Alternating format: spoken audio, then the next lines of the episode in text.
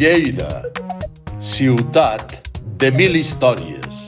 Lleida era al segle XIII una ciutat molt potent per molts motius i del tot estratègica, fet que li va valdre l'oportunitat de disposar de l'Estudi General, la primera universitat de Catalunya i dels territoris històrics de la Corona d'Aragó.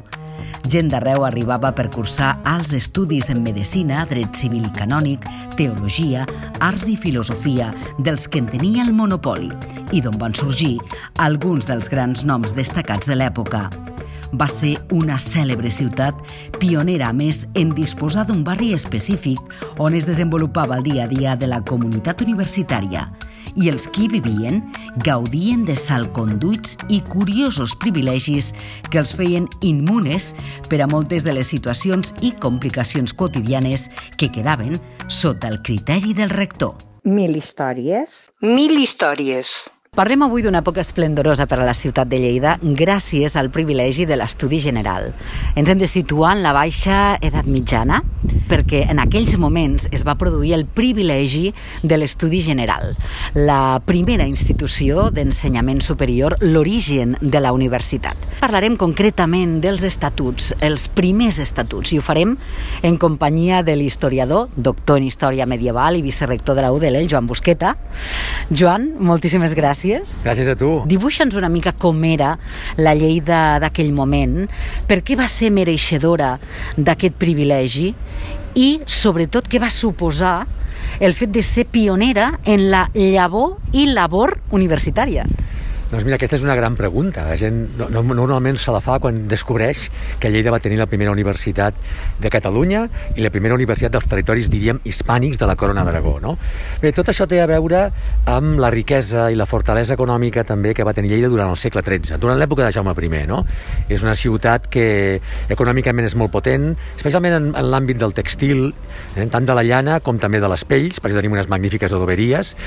Fixa't tu que durant el segle XIII la ciutat de Lleida és la ciutat de la Corona de la Corona d'Aragó, dic principal en el que és producció i comercialització dels teixits de llana, per exemple, no? Per exemple, d'aquesta vitalitat econòmica, d'aquesta vitalitat també institucional, producte de, de la riquesa econòmica i, i la vitalitat social, tenim, per exemple, tan aviat com 1228, la primera compilació de dret local que es fa a Catalunya, la primera, que són els consuetudines i l'herdences, els costums de Lleida. Bé, després vindrà el privilegi de la paeria i finalment, després de no? vindrà aquest privilegi de l'estudi general. Clar, això diguem que és un punt final a tot aquest procés de creixement de la ciutat, de la, diríem, oligarquia urbana, és a dir, de la gent que domina la ciutat, no? i també va, diguem per al córrer paral·lel a la fortalesa que en aquells moments està doncs, aconseguint ja, després d'aquest període de Jaume I, eh, l'estat, diríem, la monarquia aragonesa o la corona d'Aragó en el mar de la Mediterrània. Aleshores, diguem que hi ha una confluència d'interessos, no? la riquesa aquesta de la ciutat i també la necessitat de la monarquia de disposar d'un estudi general, també, és a dir, d'un lloc on formar la pròpia gent, no? formar els propis juristes, que es formin els propis teòlegs, els propis metges i els propis mestres en arts i filosofia.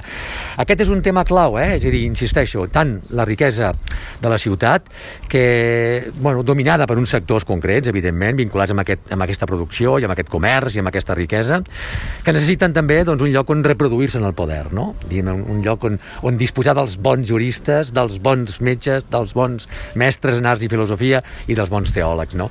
Un moment d'estratègia immillorable, per tant, no? Érem a, a, al rovell de l'ou, diguem-ho sí, així. I és que, a més, com dius molt bé, Gina, eh, no només això, sinó que la bona situació estratègica de la ciutat també afavoreix que el monarca Jaume II atengui, atengui diguem, les peticions de la ciutat no? i estableixi aquest estudi general aquí. Això també, clar, per establir un estudi general, és a dir, un lloc dels estudis, no? un lloc on es puguin impartir aquests, aquests doncs això, la medicina, la, la teologia, els dos drets, el dret civil i canònic, no? o les arts i la filosofia, doncs eh, eh, necessiten, eh, per, perquè això sigui així, doncs necessiten també un, un permís primer, no? Un permís primer que és el perquè el donava el papa, no? El papa, o podia ser també l'emperador, o fins i tot el propi rei, no? Aquest permís primer és el que s'anomena la licència ubique docent, és a dir, la capacitat de que aquests estudis que s'imparteixen aquí i s'aprenen aquí tinguin validesa universal, per l'època, eh, diríem la cristiandat de l'època, no? Uh mhm. -huh. Clar, aquest permís ja el dona el papa Bonifaci VIII 1297, i al cap de 3 anys li donen al rei, després d'haver resolt alguns problemes polítics importants que tenen tenen a veure amb el sud d'Itàlia, que tenen a veure amb la Vall d'Aran, per cert, no? Després de resoldre aquests problemes que enfrontaven la corona amb el propi papat i també amb França, per cert, doncs eh, el papa Bonifaci eh, doncs, bueno, atén aquesta petició del rei i li diu, bueno, pues, aquell funda un estudi general allà on vulguis de les teves terres, hi haurà aquesta capacitat, aquesta licència ubicue docendi, no? I al cap de 3 anys, això era 1297, l'any 1300, el monarca està a Saragossa i unes coses des, des de Saragossa estan, doncs funda la Universitat de Lleida, l'Estudi General, que, insisteixo, és la primera universitat fundada a la Catalunya i, i en els territoris hispànics de la Corona d'Aragó i durant molt de temps, durant molt de temps serà la universitat, diguem de referència d'aquestes terres. Mil històries. Mil històries. El que és interessant és que immediatament, el privilegi és de, doncs de, de l'abril doncs de, de 1300, però immediatament, molt aviat, ai, perdó, del setembre de 1300, l'abril de 1297 era la bulla pontifícia del papa, setembre de 1300 és el privilegi fundacional de l'Estudi General, però és que molt aviat, el 28 de setembre d'aquell mateix any, ja es produeixen el que abans comentaves, que és doncs, que s'atorguen els primers estatuts, no? Mm -hmm. és a dir, que es publiquen aquests primers estatuts. No? I aquests primers estatuts estan justament en un lloc on ens trobem ara, oi?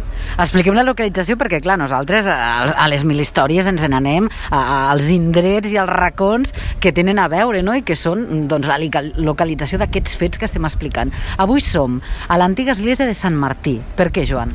Doncs perquè bueno, és l'església de Sant Martí és un dels vestigis físics, diríem, que conservem de l'antic estudi general.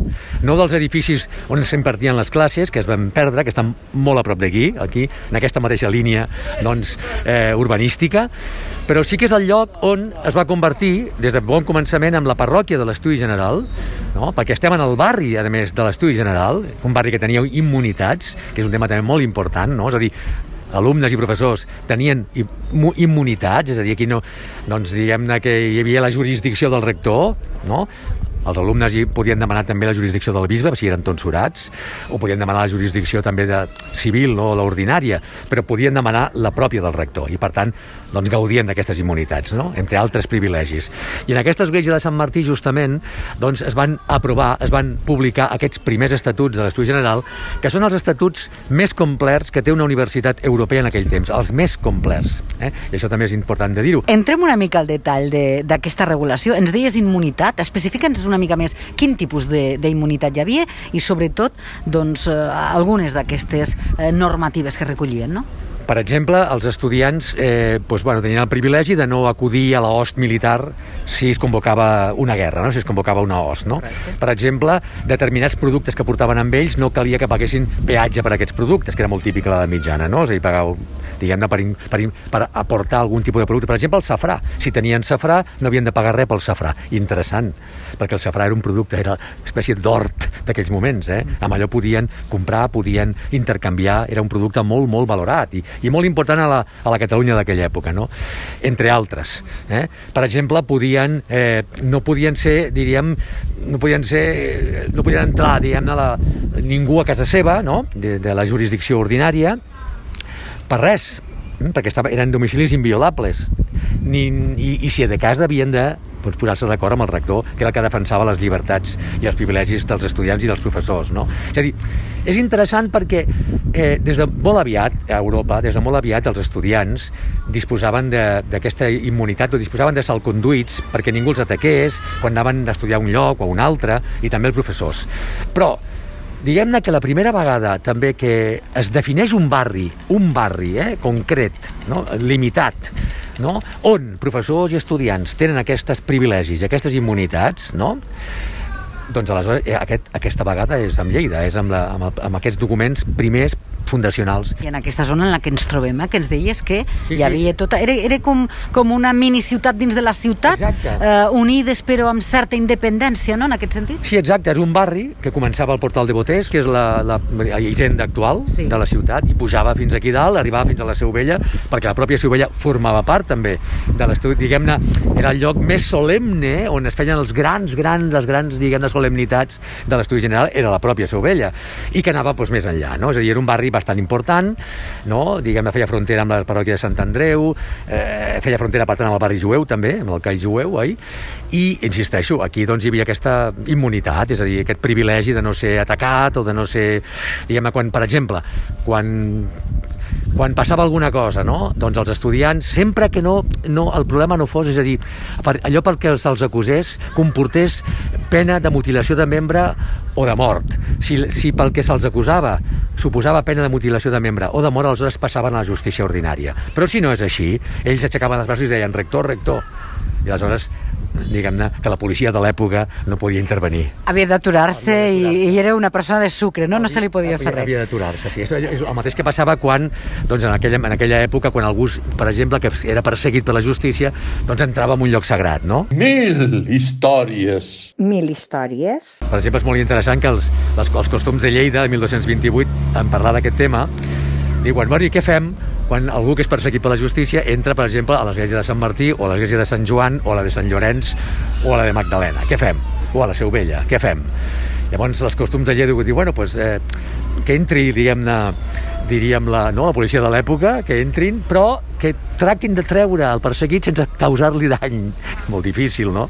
Però molt difícil. Déu-n'hi-do, eh? Déu sí. Joan, i extrapolant una mica, doncs, eh, avui en dia seria com si un, si un delicte, algú havia comès un delicte, algú d'aquesta comunitat, no? d'aquest barri, d'aquesta comunitat universitària, havia comès un delicte molt, molt gran, doncs aleshores sí, no? Però la major part de tipologia de delictes eren immunes. Quedaven al mar, aquests delictes que dius, no? La major part d'aquesta tipologia quedaven al marge de la jurisdicció ordinària i se sometien a la jurisdicció del rector. Uh -huh. L'havien de fer molt grossa, sí. però sempre passant. Molt grossa vol dir que, que, que estigués allò estipulat, no? En aquella època, doncs, aquella pena que suposava que t'havien de mutilar un membre per exemple, algun furt, no? o que t'havien de, o que t'havien de, de, bueno, que, que era pena de mort, per exemple, heretgia o alguna cosa similar, o, o un assassinat o un crim, una cosa d'aquestes. No? Per exemple, aquí tenim a l'arxiu municipal, hi ha un famós fons que ja el coneixem, no? que és els llibres de crims, uh -huh. i en aquests llibres de crims hi surten molts estudiants, molts estudiants que són acusats per això,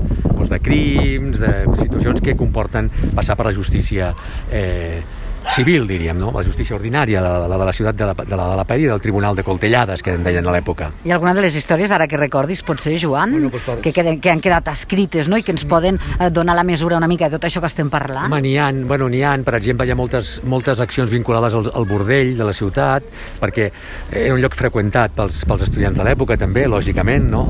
Eh, hi ha, per exemple, algun, algun assassinat, es troba algun mort, per exemple, aquí, prop de per aquí, al carrer de la Cadena, no? Llavors es veu, doncs, bueno, sempre hi ha algunes d'aquestes imatges que trobem en els llibres de crim, sí, sí, sí que n'hi ha. Lluites de bàndols, els estudiants, per exemple, una, una característica de les ciutats de la Baixa Edat Mitjana, i Lleida entre elles, doncs, com totes les altres, és les lluites de bàndols, saps? Lluites de bàndols que normalment són lluites horitzontals, és a dir, famílies poderoses que s'enfronten doncs, perquè, perquè segurament no han pogut accedir al govern municipal o per, alt, o, o per dominis territorials de l'entorn, no? s'enfronten entre elles, però, però cada una d'elles doncs, diguem-ne que incorpora altre tipus de gens que aprofiten diguem-ne la lluita per reivindicar-se també. No? Doncs bé, moltes ocasions molts estudiants doncs, van a un bàndol o a un altre. Uh -huh. O fins i tot tenim també en els llibres de crims, que és, és una font impressionant, tenim per exemple lluites entre estudiants que defensen a un catedràtic o a un altre. No, no, i que arriben a les mai, que arriben a les agressions físiques pel carrer. Per exemple, festes de doctorat que arriben a les agressions físiques. Sí, sí, és un món impressionant. Et diuen els estatuts que sobretot els, els, els nois, perquè poden entrar a la universitat molt aviat, 12-14 anys, uh -huh. si ja tenen coneixements de gramàtica o de, o de llatí, doncs ja poden entrar a estudiar, diríem, a fer la, bueno, el que creguin, no? Començant per les arts, eh? perquè les arts, que, és els, que les, són, diguem-ne, els, els estudis previs, uh -huh. no? Doncs aquests, i un cop ho han superat, llavors poden passar doncs, a fer medicina, o, o dret, o teologia, etc. no? Però, per exemple, en els estatuts es diu bueno, que els, estat, els, els, els, els, aquests estudiants joves, sobretot, sobretot, eh, sobretot que no es disfressin ni de jueva ni de serraïna, ni ataquin aquesta gent perquè això és un escarni que no es pot ser, que no, en fi, per exemple, parla d'això. I el que han de fer és, el, el, el professor ha d'anar amb ells a fer la processó, no? però no, no dedicar-se a aquestes coses, no?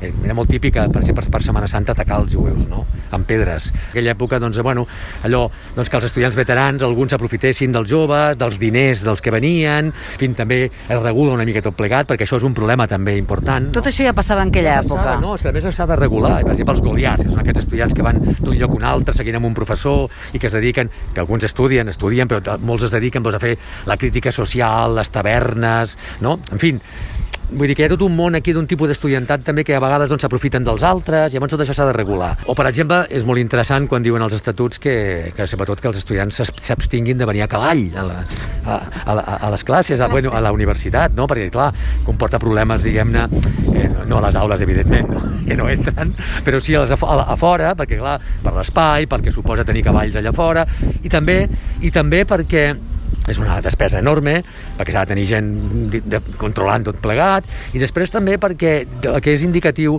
és també del, de la diferenciació social que hi ha entre els estudiants, no? és a dir, eh, poden venir gent pobra perquè són gent que estan en un monestir, per exemple, i Poblet diu, bueno, doncs tu vés a estudiar a Lleida uh mhm. -huh. tal cosa, i venen a un col·legi major, i van a la universitat, però són gent pobra, o, o, o són gent de les, de les classes, diríem, mm, benestants o mig benestants de la ciutat, doncs que els interessa que, la, que, que s'estudi dret sobretot, o medicina, però a vegades venen gent, sobretot a partir del segle XV, venen gent de la noblesa.